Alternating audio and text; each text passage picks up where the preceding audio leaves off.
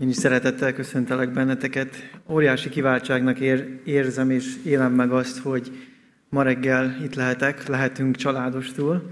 Sokat hallottunk már a gyülekezetetekről, elsősorban Adorjánon keresztül, de Montival is van egy, egy eh, hát valamennyire távoli, de mégis ugye már közeledő kapcsolatunk, mert eh, segített nekem még egy jó nyolc évvel ezelőtt körülbelül kiadni egy, egy kis könyvet, ami az evangéliumról szól. És nekem, ahogy Adorján is mondta, tényleg a szívemen van az evangélium, és ezért is vállaltam örömmel ezt a szolgálatot, bár ugye, mint pásztor és mint misszionárius én is ugye gyülekezetben tevékenykedem, foglalatoskodom, és nagyon sok a feladat és a szolgálat, úgyhogy egyre nehezebb kiszakadni, de mégis úgy éreztem, hogy ha ez a téma, és erre kértetek föl, akkor ez, ez egy Istentől jövő eh, hívás és egy áldás is, nem csak nektek, hanem, hanem nekem is, ahogy ebben a témában készülhettem. Um, nagyon-nagyon nagy öröm, hogy van itt eh, Budapesten, Észak-Budapesten egy, egy evangéliumi, szabad evangéliumi gyülekezet, hiszen az egyik legnagyobb hiány és sürgető hiány Magyarországon szerintem ma az, hogy, hogy egyre kevesebb az élő evangéliumban meggyökerező és evangéliumból táplálkozó gyülekezet. Úgyhogy bátorítalak benneteket, hogy, hogy ássátok csak tovább magatokat az evangélium mélységeibe bele. Nagyon volt hallgatni Dánielnek az, az első előadását, vagy prédikációját múlt vasárnapról. Nem is tudom, hogy ki a Dániel, csak a hangját ismerném föl, de most, ha nincs itt, nagyon-nagyon jó volt hallgatni, és, és hát bátorítok benneteket, hogyha aki készül a táborra, én nem tudom, hogy hányan jöttök majd, de, de foglalkozzatok ezzel a témával, ugye amiket majd kiadnak, vagy kiadtak már írásokat, cikkeket, azt mindenképp olvassátok el, én is majd adok ki kérdéseket, amivel készülhettek erre a hétre. Az elején én is hadd imádkozzak röviden, mielőtt belevágnék a, a témába.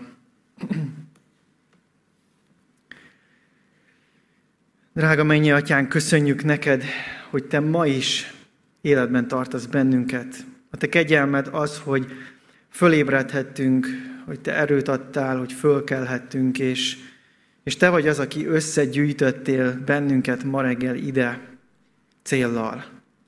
Mert beszélni akarsz velünk. A szívünkre akarod helyezni azokat az igazságokat, amiket kijelentettél a te igédben az evangélium által.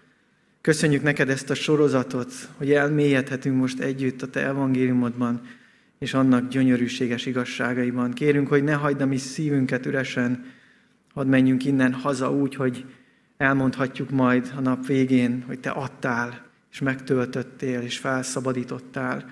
Kérlek, hogy itt a meleg ellenére segíts, hogy tudjunk figyelni, ne lankadjon a mi figyelmünk, hanem tényleg halljuk és értsük azt, amit a lelked által te szólni akarsz.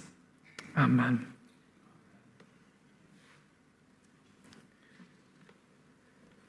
Azt a címet adtam a, a mai igehirdetésnek, hogy mennyei atyánk az evangélium legnagyobb ajándéka.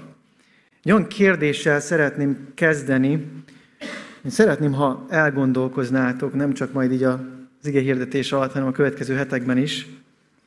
És ez a kérdés, ez így hangzik, hogy milyen a keresztény ember? Milyen a keresztény ember? Mi az, ami a leginkább jellemeznie kell, hogy jellemezzen kellene egy keresztény embert? És a kérdés sokféleképpen meg lehet válaszolni, de úgy gondolom, hogy a legtarma, legtartalmasabb válasz az így hangzik. A keresztény ember az, aki olyan viszonyban van Istennel, mint a gyermek apjával. A keresztény ember az, aki olyan viszonyban van Istennel, mint a gyermek az apjával. És ezt az apa-gyermeki kapcsolatot hívjuk a fiúság ajándékának, ami az evangélium legnagyobb ajándéka. Galata 3, 26 és 28, illetve 29-ben így fogalmaz Pálapostól. Mert mindnyájan Isten fiai vagytok a Krisztus Jézusban való hit által, Mindnyájan egyek vagytok a Krisztus Jézusban. Ha pedig Krisztuséi vagytok, akkor Ábrahám utódai vagytok. Az Isten fiúság tehát nem valami egyetemes állapot, amelybe természetes módon mindenki beleszületik, hanem természet fölötti ajándék, amely a Jézusba vetett hit által lesz egyedül a miénk. Senki nem mehet az atyához, mondja Jézus a János 14.6-ban, azaz senkit nem fogad el fiának az Isten, csak is én általam. És Isten úgy szerette azokat, akiket Jézus által a kereszten megváltott, hogy valamennyiüket örökösévé fogadta. Hogy részeseivé lehessenek annak a mély szeretet közösségnek, amelyben az Atya, a Fiú és a Szentlélek örökkön örökké létezett és létezik. Ez az evangélium legnagyobb ajándéka, amelyről bizonyságot tesz az új szövetségnek szinte minden könyve és minden levele. Galata 4, 4 és 5-ben így ír Pál, amikor eljött az idő teljessége, Isten elküldte fiát, aki asszonytól született a törvénynek alávetve, hogy a törvény alatt levőket megváltsa, hogy Isten fiaivá legyünk. Aztán az Efézus 1-ben szintén ezt taglalja Pál, az ötödik vers különösképpen, amikor így ír, mivel előre el is határozta Isten, az Atya, hogy fiaivá fogad minket Jézus Krisztus által. Ő ezt előre elhatározta. Aztán a Róma 8, az evangélium szíve, közepe, ahol így fogalmaz Pál a 14. verstől, akiket pedig Isten lelke vezérel, azok Isten fiai. Mert nem a szolgaság lelkét kaptátok, hogy ismét féljetek, hanem a fiúság lelkét kaptátok, aki által kiáltjuk, Abbá, atyám. Maga a lélek tesz bizonyságot a mi lelkünkkel együtt arról, hogy Isten gyermekei vagyunk. Az Ószövetségben ugye Istennek legelterjedtebb szövetségi neve Jahve név volt. És ezzel a névvel Isten a szent én vagyok gyanánt jelentetti, jelentette ki magát az ő népének. Azt közölve Izrael hogy ő a minden valóság mögötti valóság, és a minden ok mögötti ok. És volt ebben a névben valami magasztos, amely alázatra és rettenetes hódolatra indította a benne hívőket. Hasonlóan az új szövetségi hívőknek sem jelentett kevesebbet Isten neve, mint az ószövetségi szenteknek jelentett, hiszen az Isten szentségéről és az iránta tanúsítandó méltó alázatról szóló ószövetségi kijelentés alapfeltétele ott van az új szövetség minden egyes lapján. Ám mindehez hozzáadódott valami teljesen új. Az új szövetségi hívők számára Isten Atya. Istent ők atyuknak nevezik. És azért lett ez Isten új szövetségi neve, mert az Istent és a népét összekötő új szövetséget Isten egy családi szövetségként jelentette ki. A keresztények Isten gyermekei és Isten örökösei. Éppen ezért az új szövetség már nem arra teszi a hangsúlyt, hogy milyen nehéz és milyen veszélyes közeledni a Szent Istenhez. Sőt, lehetetlen. Hanem arra teszi a hangsúlyt, hogy a hívők bátran bizalommal járulhatnak Isten elé, mint szerető mennyei édes atyukhoz, egyedül Krisztus érdeméért. Többek között erről beszél Pál az Efézus 3.12-ben, amikor így ír, ő benne van bátorságunk és szabad utunk bizalommal a benne való hit által. És a zsidókhoz írt levél szerzője is ezt fogalmazza meg a 10. fejezet 19. versétől. Mivel tehát testvéreim bízhatunk abban, hogy bemehetünk a szentébe Jézus Krisztus vére által, azon az új és élő úton, amelyet ő nyitott meg előttünk a kárpit, vagyis az ő teste által, és mivel nagypapunk van az Isten háza felett, járuljunk azért oda igaz szívvel és teljes hittel, mint akiknek a szíve megtisztult a gonosz lelkiismerettől, testét pedig megmosták tiszta vízzel. És ebben az egészben az a legmegdöbbentőbb, nem csak így járulhatunk bátorsággal Isten elé, hanem úgy mehetünk hozzá, mint szerető, gyengéd, gondoskodó atyához, félelem nélkül, atyai odaadásának és szeretetének biztos reménységében. Ez, testvérek, az új szövetségnek az üzenete és lényege. Ugyanakkor sokan vannak, akik szerint, ha Isten és ember kapcsolatáról, mint atya-gyermek viszonyról beszélünk, semmit nem mondunk az olyan embereknek, akiknek nem volt sem jó, sem gondoskodó, sem szerető apjuk, vagy éppenséggel apa nélkül nőttek fel. De az e fajta érvelés véleményem szerint nem állja meg teljesen a helyét. Mert nem igaz, hogy a legrosszabb tapasztalatok mellett se lehetne valakinek egészséges elképzelése arról, hogy milyen lenne egy jó apa.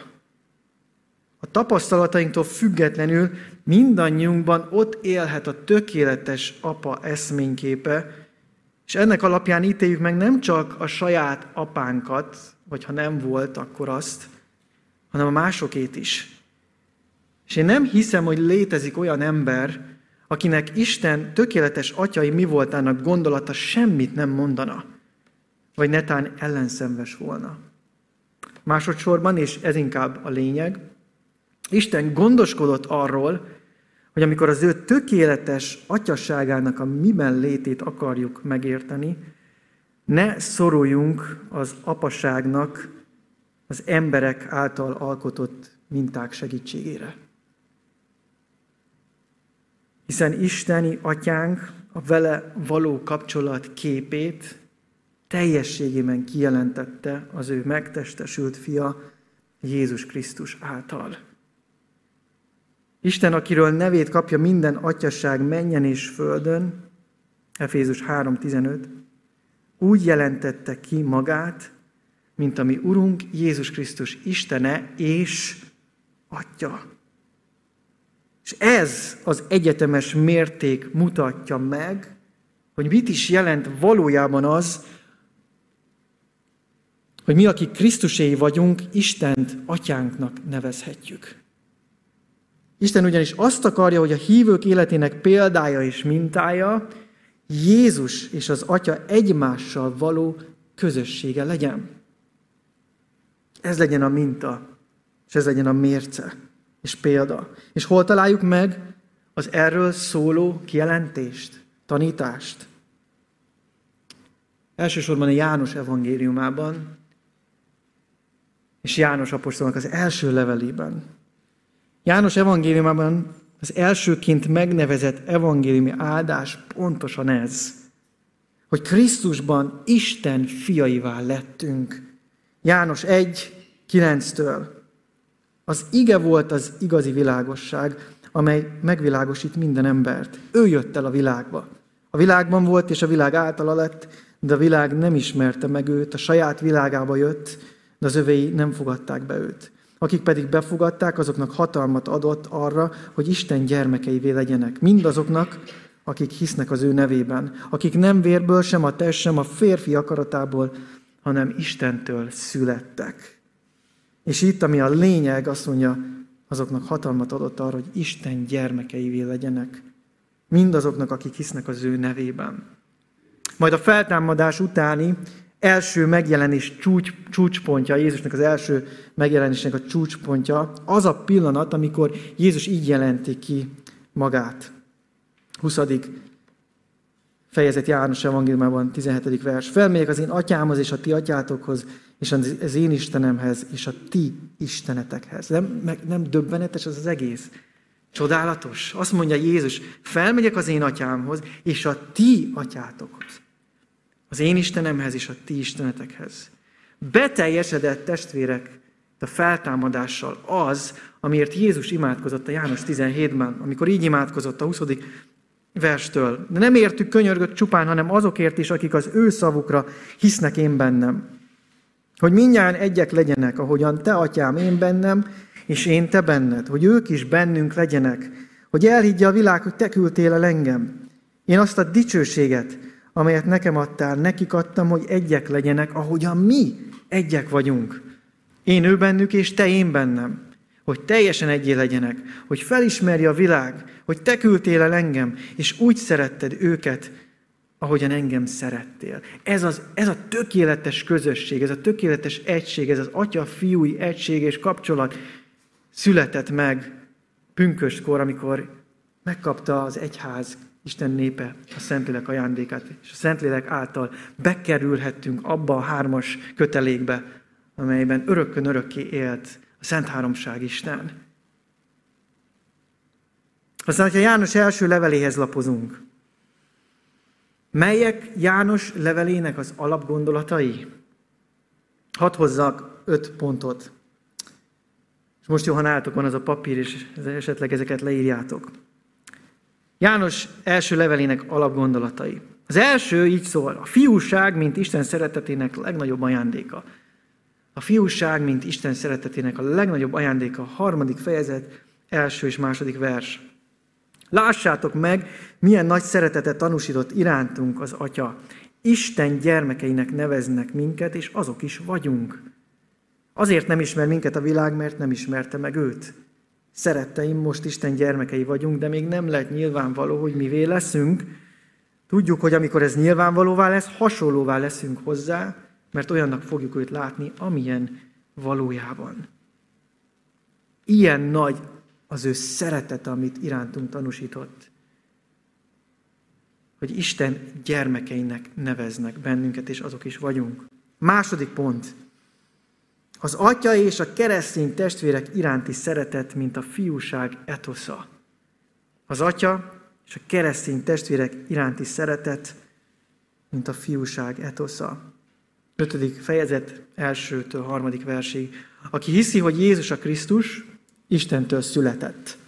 És aki szereti azt, aki szülte, azt is szereti, aki attól született.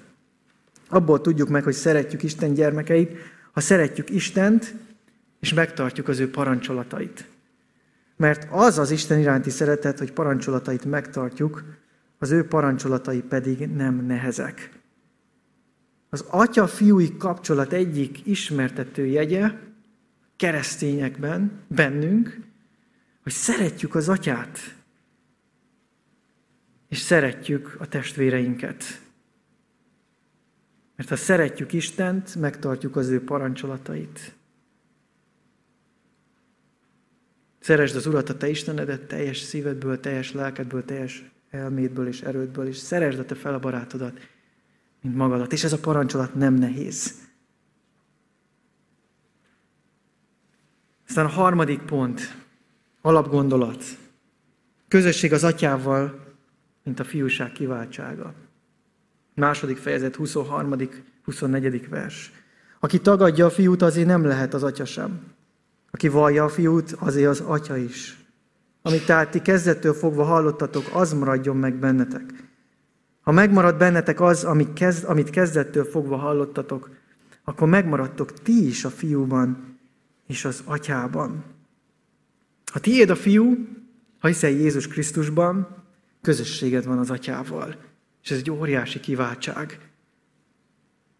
Ha megmarad benned az, amit kezdettől fogva hallottál, az evangélium, és annak igazsága, és ebből táplálkozol, ahogy arról Dani prédikált múlt héten, akkor megmaradhatsz az atya és a fiú közösségében. Negyedik pont. Az igazság cselekedete és a bűn kerülése, mint a fiúság ismertető jele. Harmadik fejezet, kilencedik és tizedik vers. Az igazság cselekedete és a bűn kerülése. Aki az Istentől született, az nem cselekszik bűnt, mert az ő magja van benne, és nem védkezhet, mert az Istentől született. Erről ismerhetők meg az Isten gyermekei és az ördög gyermekei. Aki nem cselekszi az igazságot, nem az Istentől van, és az sem, aki nem szereti a testvérét. Megint csak egy újabb jellemvonása a fiúságnak, az atyával való közösségnek. Gyűlölöd a bűnt. Gyűlölöd azt, amit az atya gyűlöl, és szereted azt, amit az atya szeret. És ez jellemzi az életedet. Erről ismerhető vagy, ismerhető fel, hogy valóban Isten gyermeke vagy. És végül az ötödik pont. Jézushoz való hasonlóság, mint a fiúság reménysége és végcélja. Harmadik fejezet, második és harmadik vers. Szeretteim, most Isten gyermekei vagyunk, de még nem lett nyilvánvaló, hogy mivé leszünk. Tudjuk, hogy amikor ez nyilvánvalóvá lesz, hasonlóvá leszünk hozzá, mert olyannak fogjuk őt látni, amilyen valójában. Ezért aki így reménykedik benne, megtisztítja magát, mint ahogyan ő is tiszta. Jézushoz való hasonlóság. Megint csak egy újabb jellemvonása Isten gyermekének. És végig reménykedik abban, hogy még nyilvánvalóbb legyen, és egy napon majd teljesen nyilvánvalóvá legyen, hogy mivé lettünk ő benne. János első levelét szokták a keresztény élet, vagy a keresztény, valódi kereszténységnek, a tesztjének is nevezni. Ugyanis ebből a levélből valóban lemérheted azt, hogy valóban keresztény vagy-e. János apostol szerint a felsorolt öt pont világos jellemzője a Krisztusban hívőnek. És ezért hívja fel a szenteket, a testvéreket máshol a korintusi levél, második korintusi levél 13. fejezet 5. versében eképpen Pál, hogy önmagatokat tegyétek próbára, testvérek, hogy hitben jártok-e. Önmagatokat vizsgáljátok meg. Vagy nem ismeritek fel magatokon, hogy Jézus Krisztus bennetek van? Nem ismeritek fel magatokon, hogy valóban Isten gyermekei vagytok? Mert Isten gyermekeit ezen öt pont jellemeznie kell. Ezért fontos, hogy az egy János levelét így olvassuk, önmagunkat próbára téve. Ne tévesszük meg magunkat. Nagyon sokan ülnek ma úgy gyülekezetekben, és hallgatnak úgy prédikációkat, hogy közben az ítélet felé tartanak. Elveszettek. Ne legyen senki közöttünk ma reggel olyan, aki megtéveszti önmagát. Tegyétek magatokat próbára. Az új szövetségnek ebből a két könyvéből, János evangélium és János első leveléből egyértelműen kiderül az is, hogy mit jelent Jézus számára az, hogy Istent atyának nevezi. És hogy mit jelent ugyanez számunkra, keresztények számára, akik úgy gondolunk Istenre, mint atyánkra. De János evangéliumát figyelmesen olvasva arról is sokat megtudhatunk, hogy az atya hogyan viszonyul Jézushoz, a fiúhoz. A lényeget négy pontban foglalnám most össze. Az első a szeretet. János evangéliuma 5.20 így kezdődik, az atya szereti a fiút. Aztán a 15. fejezet 9.10, engem szeretett az atya, én mindig megtartottam az én atyám parancsolatait, és megmaradok az ő szeretetében. Az atya szereti a fiút. Szereti, mert szent, tökéletes, tiszta, bűntelen. Mert ő Isten maga, aki a legdicsőségesebb dicsőség forrása. És Jézus egy az egyben Isten képe. Isten az Istenben. Ezért szereti őt az Atya. Aztán a második, a közösség. 17. fejezet megint csak Jézus főpapi imádsága, 20. verstől. Nem értük könyörgök csupán, hanem azokért is, akik az ő szavukra hisznek én bennem hogy minnyáján egyek legyenek, ahogyan te, atyám, én bennem, és én te benned, hogy ők is bennünk legyenek, hogy elhiggye a világ, hogy te küldtél el engem. A legmélyebb közösség, a legszorosabb egység a világon az Atya, a Fiú és a Szentlélek közössége. És a mély szereteten túl a legmélyebb tisztelet, a legdicsőségesebb csodálat, a legkitörőbb öröm, a legteljesebb békesség és a legszorosabb közösség jellemzi az ő kapcsolatukat. De a szereteten és a mély közösségen és egységen túl az Atya tekintéllyel parancsol és rendelkezik. Tekintéllyel. A fiú pedig eltöként szándékkal igyekszik engedelmeskedni az Atya akaratának. És ez Jézus nem kényszerből teszi, nem erőlködve teszi, hiszen ebben van a legnagyobb öröme, teljesíthesse az atya akaratát, mert a szíve össze van forva az atyáival. Az atya akarata az ő akarata is.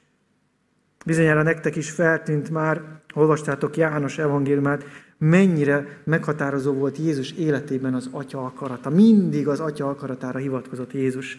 Nem azért szálltam le a mennyből, hogy a magam akaratát tegyem, hanem hogy annak az akaratát, aki elküldött engem. 6.38. Elvégeztem azt a munkát, amelyet rám bíztál, hogy elvégezzem. 17.4. A fiú, a fiú önmagától semmit sem tehet, csak ha látja, hogy mit tesz az atya. 5.19.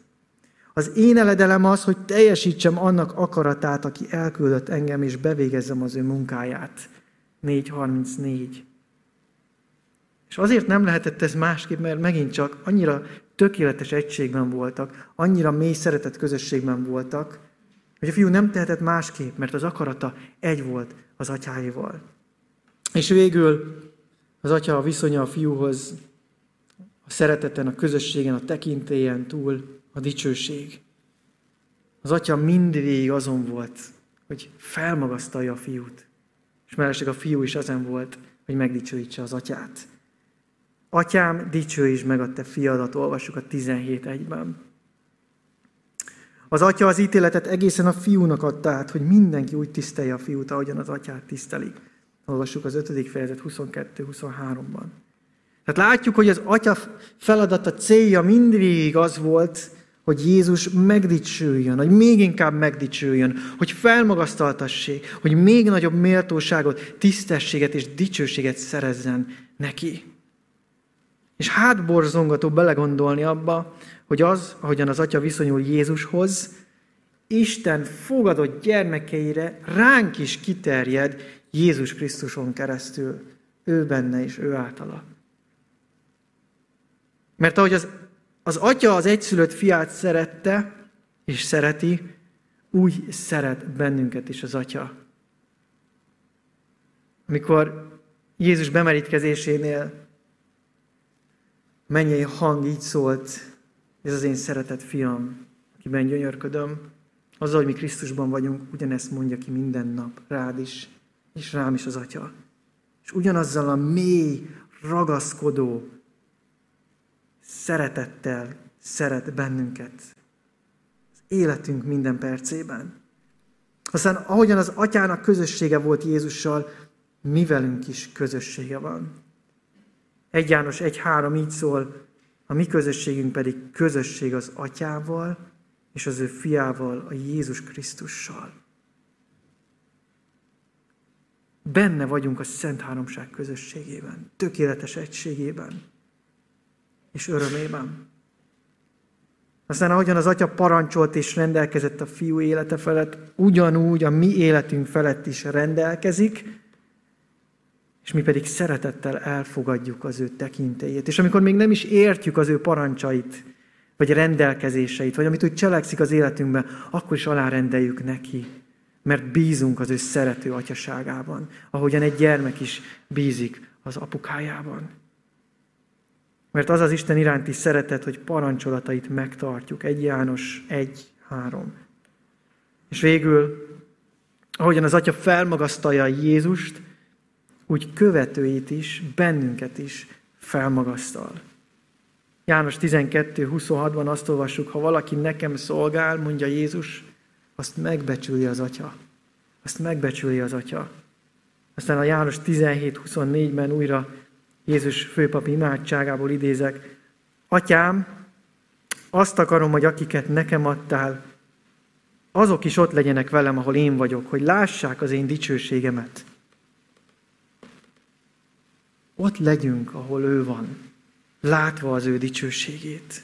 És testvérek, ez még mindig csak töredéke annak, amit a Biblia arról az atya-fiúi kapcsolatról bemutat, amely Jézust, Jézus atyát és Jézus követőit egymáshoz kapcsolja.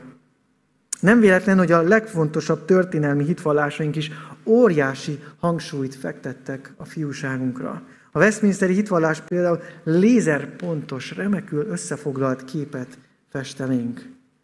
Így ír erről. A megigazultaknak Isten kegyelmes módon biztosítja, hogy egyetlen fia Jézus Krisztus érdeméért a fiúvá fogadtatás ajándékának részesei legyenek.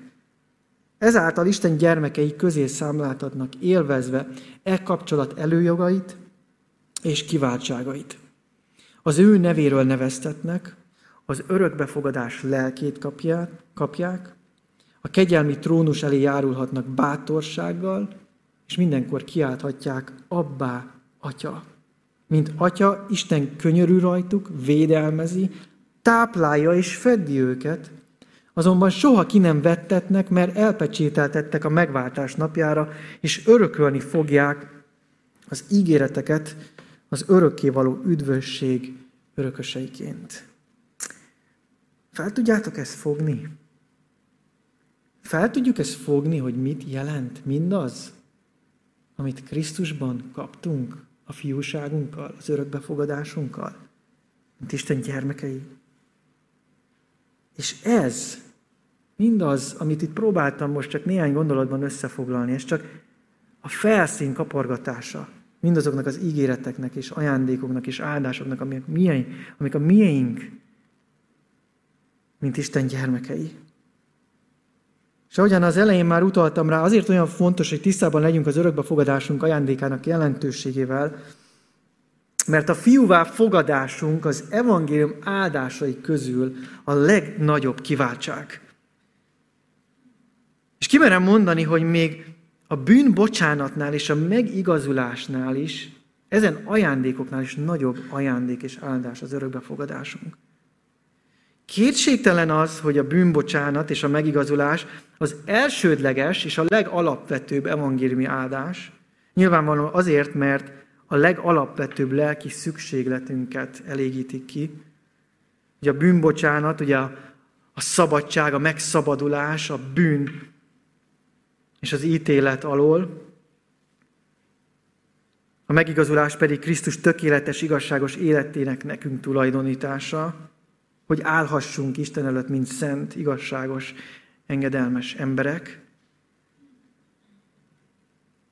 Egyértelmű és világos, hogy bűnbocsánat nélkül a bűn terhe még mindig rajtunk lenne, és az ítélet elkerülhetetlen lenne számunkra.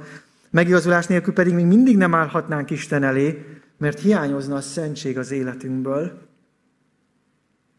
Szentek legyetek, mert én szent vagyok. Nem tudnánk ennek a parancsnak megfelelni. Megigazulás ajándékával leszünk Isten előtt szentek. És a bűnbocsánatra és a megigazulásra igenis nagy szükségünk van. Én nem ezt kérdőjelezem meg. Mert nagyobb szükségünk van e kettőre, mint bármi másra. És az evangélium pontosan ezt kínálja nekünk, mint mielőtt bármi mást kínálna. És bár a bűnbocsánat és a megigazolás a legelső és a legalapvetőbb áldásai az evangéliumnak, mégsem ezek a legnagyobb ajándékok. Mert Istennek a gyermekévé lenni nagyobb áldás,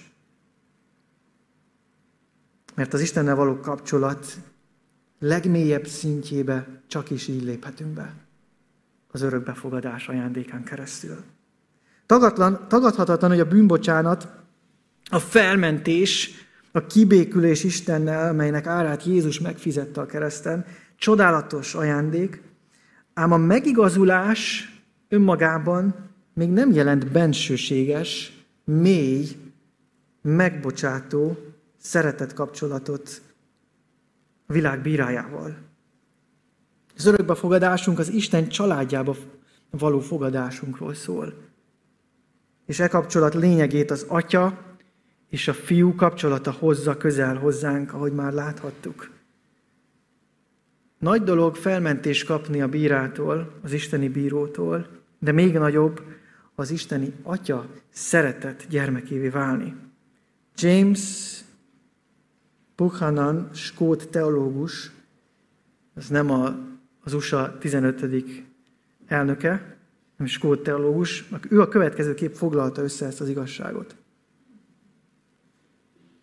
Hogy milyen csodálatos az újjászületés általi átmenet a halálból az életbe, azt mindig nem érezhetjük át a maga teljességben, míg fel nem fogjuk, hogy nem egyszerűen a kárhoztatásból, az elfogadásból átmenetről van szó.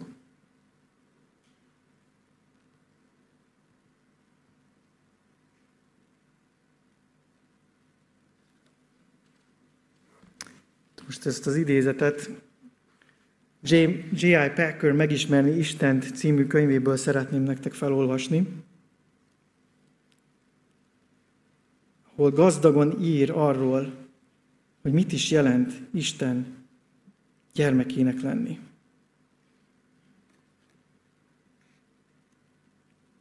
A Szentírás szerint a büntetés elengedése, a bűnös elfogadása és a fiúvá fogadás három különböző és sorrendben mind magasabb kitüntetés. Míg az első kettő lényegében a bűnösök megigazításához tartozik, hiszen egy azon viszonyból, az alatvaló és az uralkodó kapcsolatából ered. A harmadik kiváltság gyökeresen más, mert szorosabb, gyöngédebb, bensőségesebb kapcsolatból, az atya és fiú kapcsolatából fakad. A szolga állapota egészen más, mint a baráté, és még inkább különbözik a szolga helyzete a fiúitól. Krisztus és az ő népek között hasonlíthatatlanul mélyebb, bensőségesebb a kapcsolat, mint az Úr és a szolga között. Többé nem mondalak titeket szolgáknak, mert a szolga nem tudja, mit tesz az Ura. Titeket azonban barátaimnak mondalak, mondanak. János 15.15. Ám ennél is mélyebb és meghittebb kapcsolat jön létre a fiúvá fogadás által. Úgyhogy már nem vagy szolga, hanem fiú, ha pedig fiú, akkor Isten akaratából örökös is. Galata 4.7. A fiúság ajándéka föltételezi a büntetés elengedését és a bűnös elfogadását, ám mindkét ajándéknak fölött áll, mert akik pedig befogadták, azokat felhatalmazta arra, hogy Isten gyermekeivé legyenek, mindazokat, akik hisznek az ő nevében. János 1.12. Nagyobb kiváltság ez a megigazulásnál, mert szorosabb, bensőségesebb kapcsolatból fakad. Lássátok meg, milyen nagy szeretetet tanúsított irántunk az Atya, Isten gyermekeinek neveznek minket.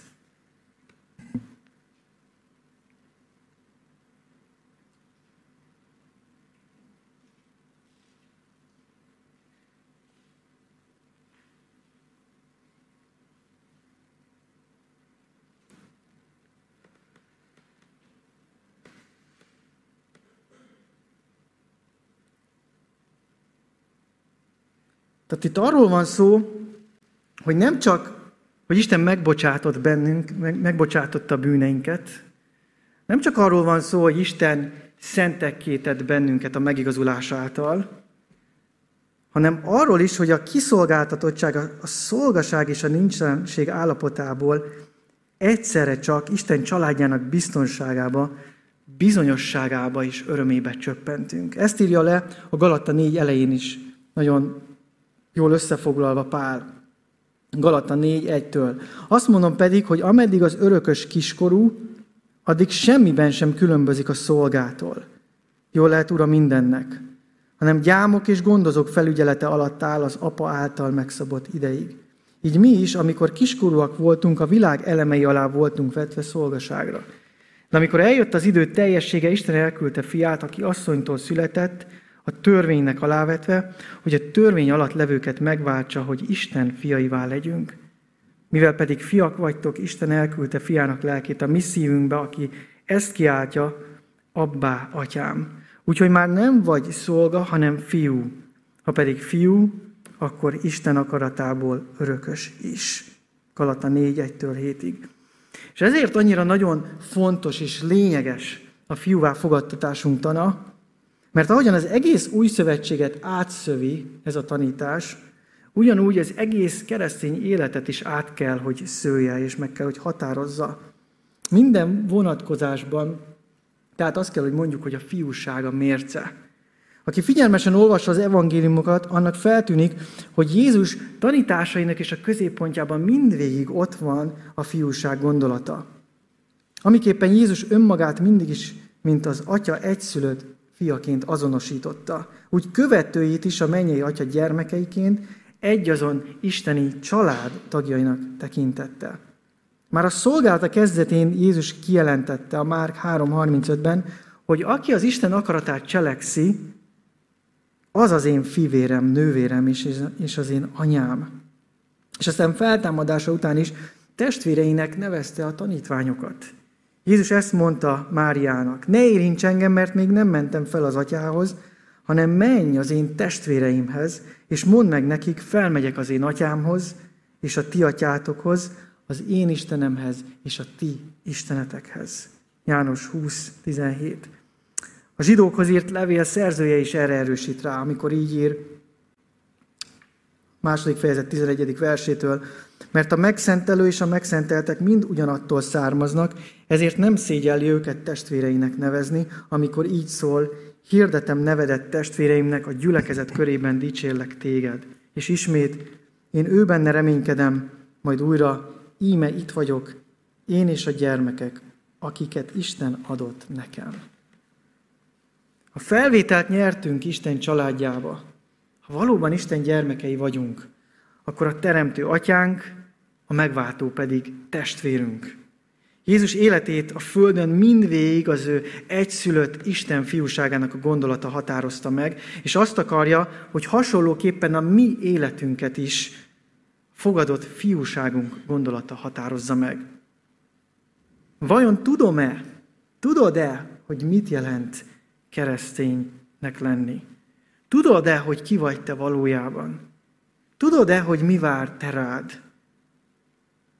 Isten gyermeke vagy. Ha Krisztusban vagy, Isten gyermeke vagy. Isten a te atyád, a mennyország a te otthonod, és minden nap közelebb kerülsz hozzá.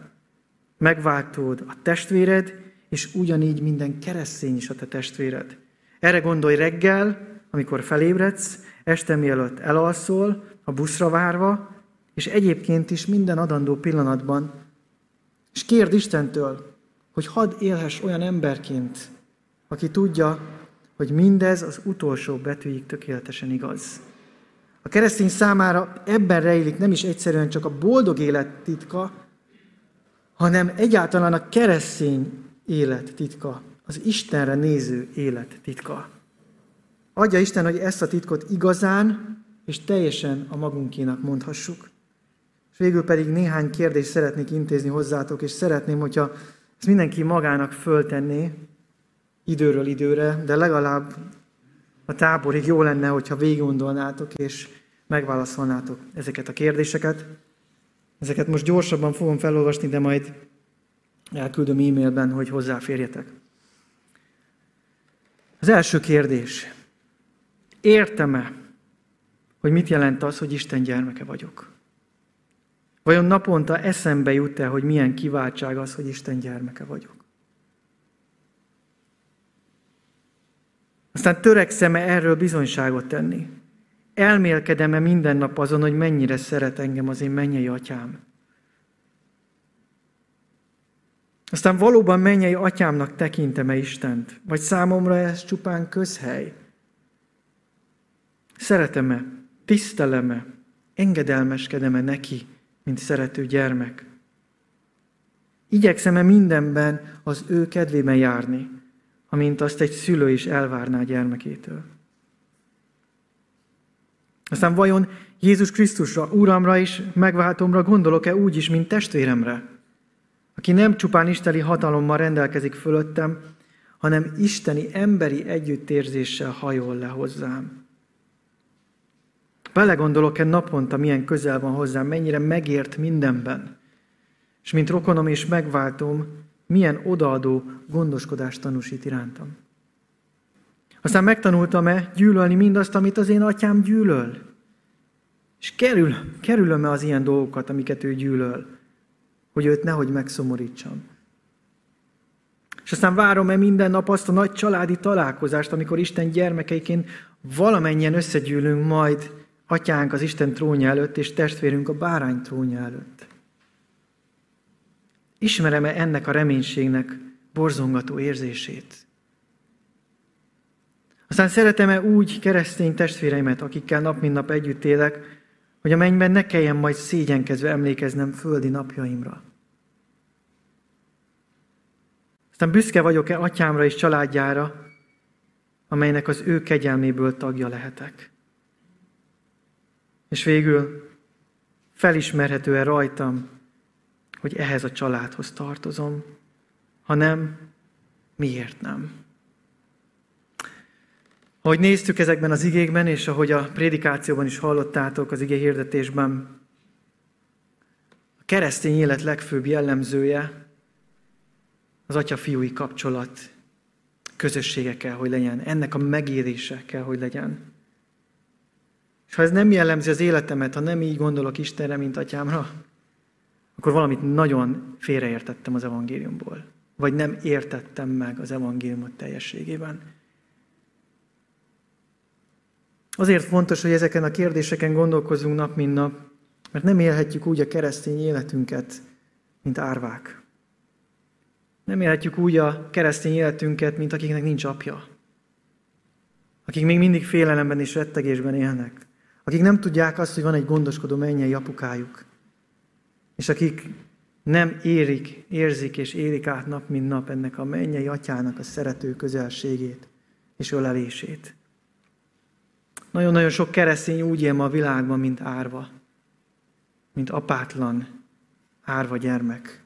Istentől távol, bizalmatlanul Isten felé,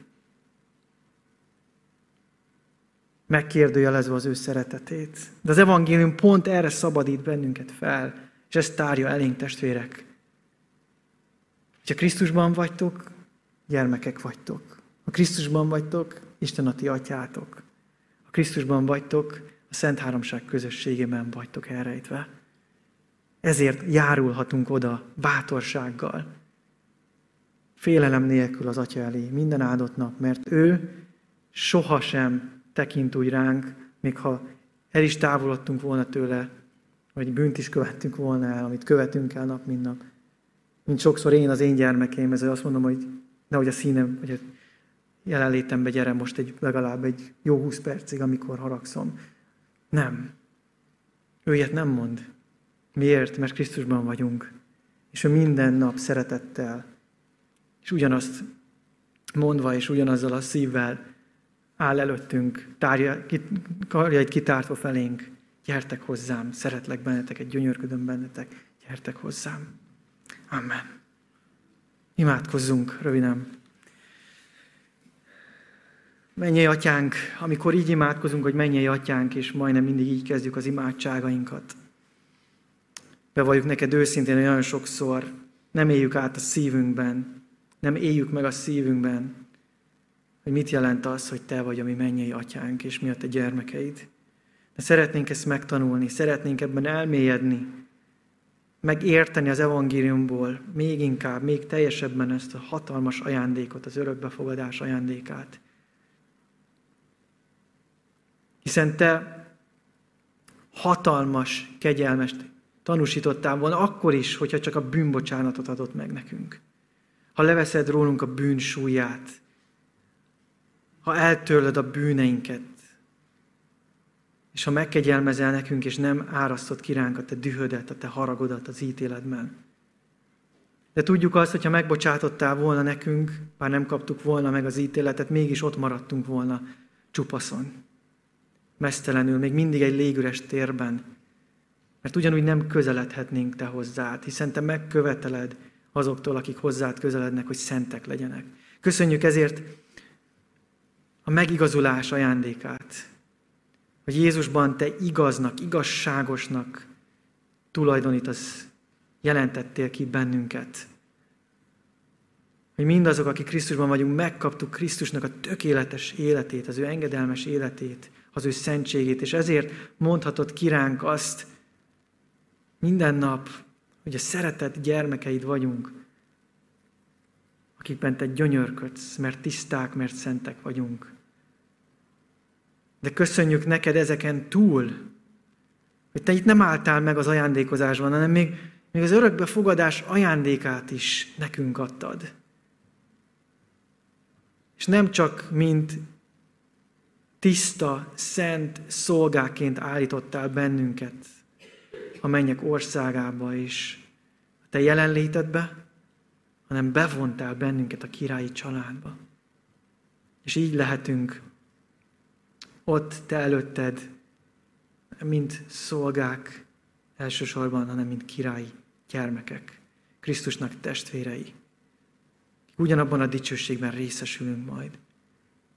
Köszönjük neked, Jézus, hogy te megcselekedted a megváltásunkkor ezt a hatalmas szabadítást, és elhoztad ezt a hatalmas kiváltságot számunkra, hogy valóban egyekké válhatunk te veled, és élvezhetjük a Szent Háromság közösségének minden dicsőségét és áldását. Azért könyörgünk, atyánk, és azért könyörgöm én is, hogy ezt a gyülekezetet te árazd el az evangéliummal, úgy, hogy minden egyes tagja ennek a gyülekezetnek bizonyos lehessen abban, hogy ő Isten gyermeke, és élhessen az Isten gyermekének járó összes áldással, örömmel és szabadsággal. Hogy amikor, aki ránk néz, aki látja ezt a gyülekezetet, ez téged lásson. Úgy, ahogy Jézusban is egyértelmű volt, aki őt látta, az atyát láthatta benne. Amen.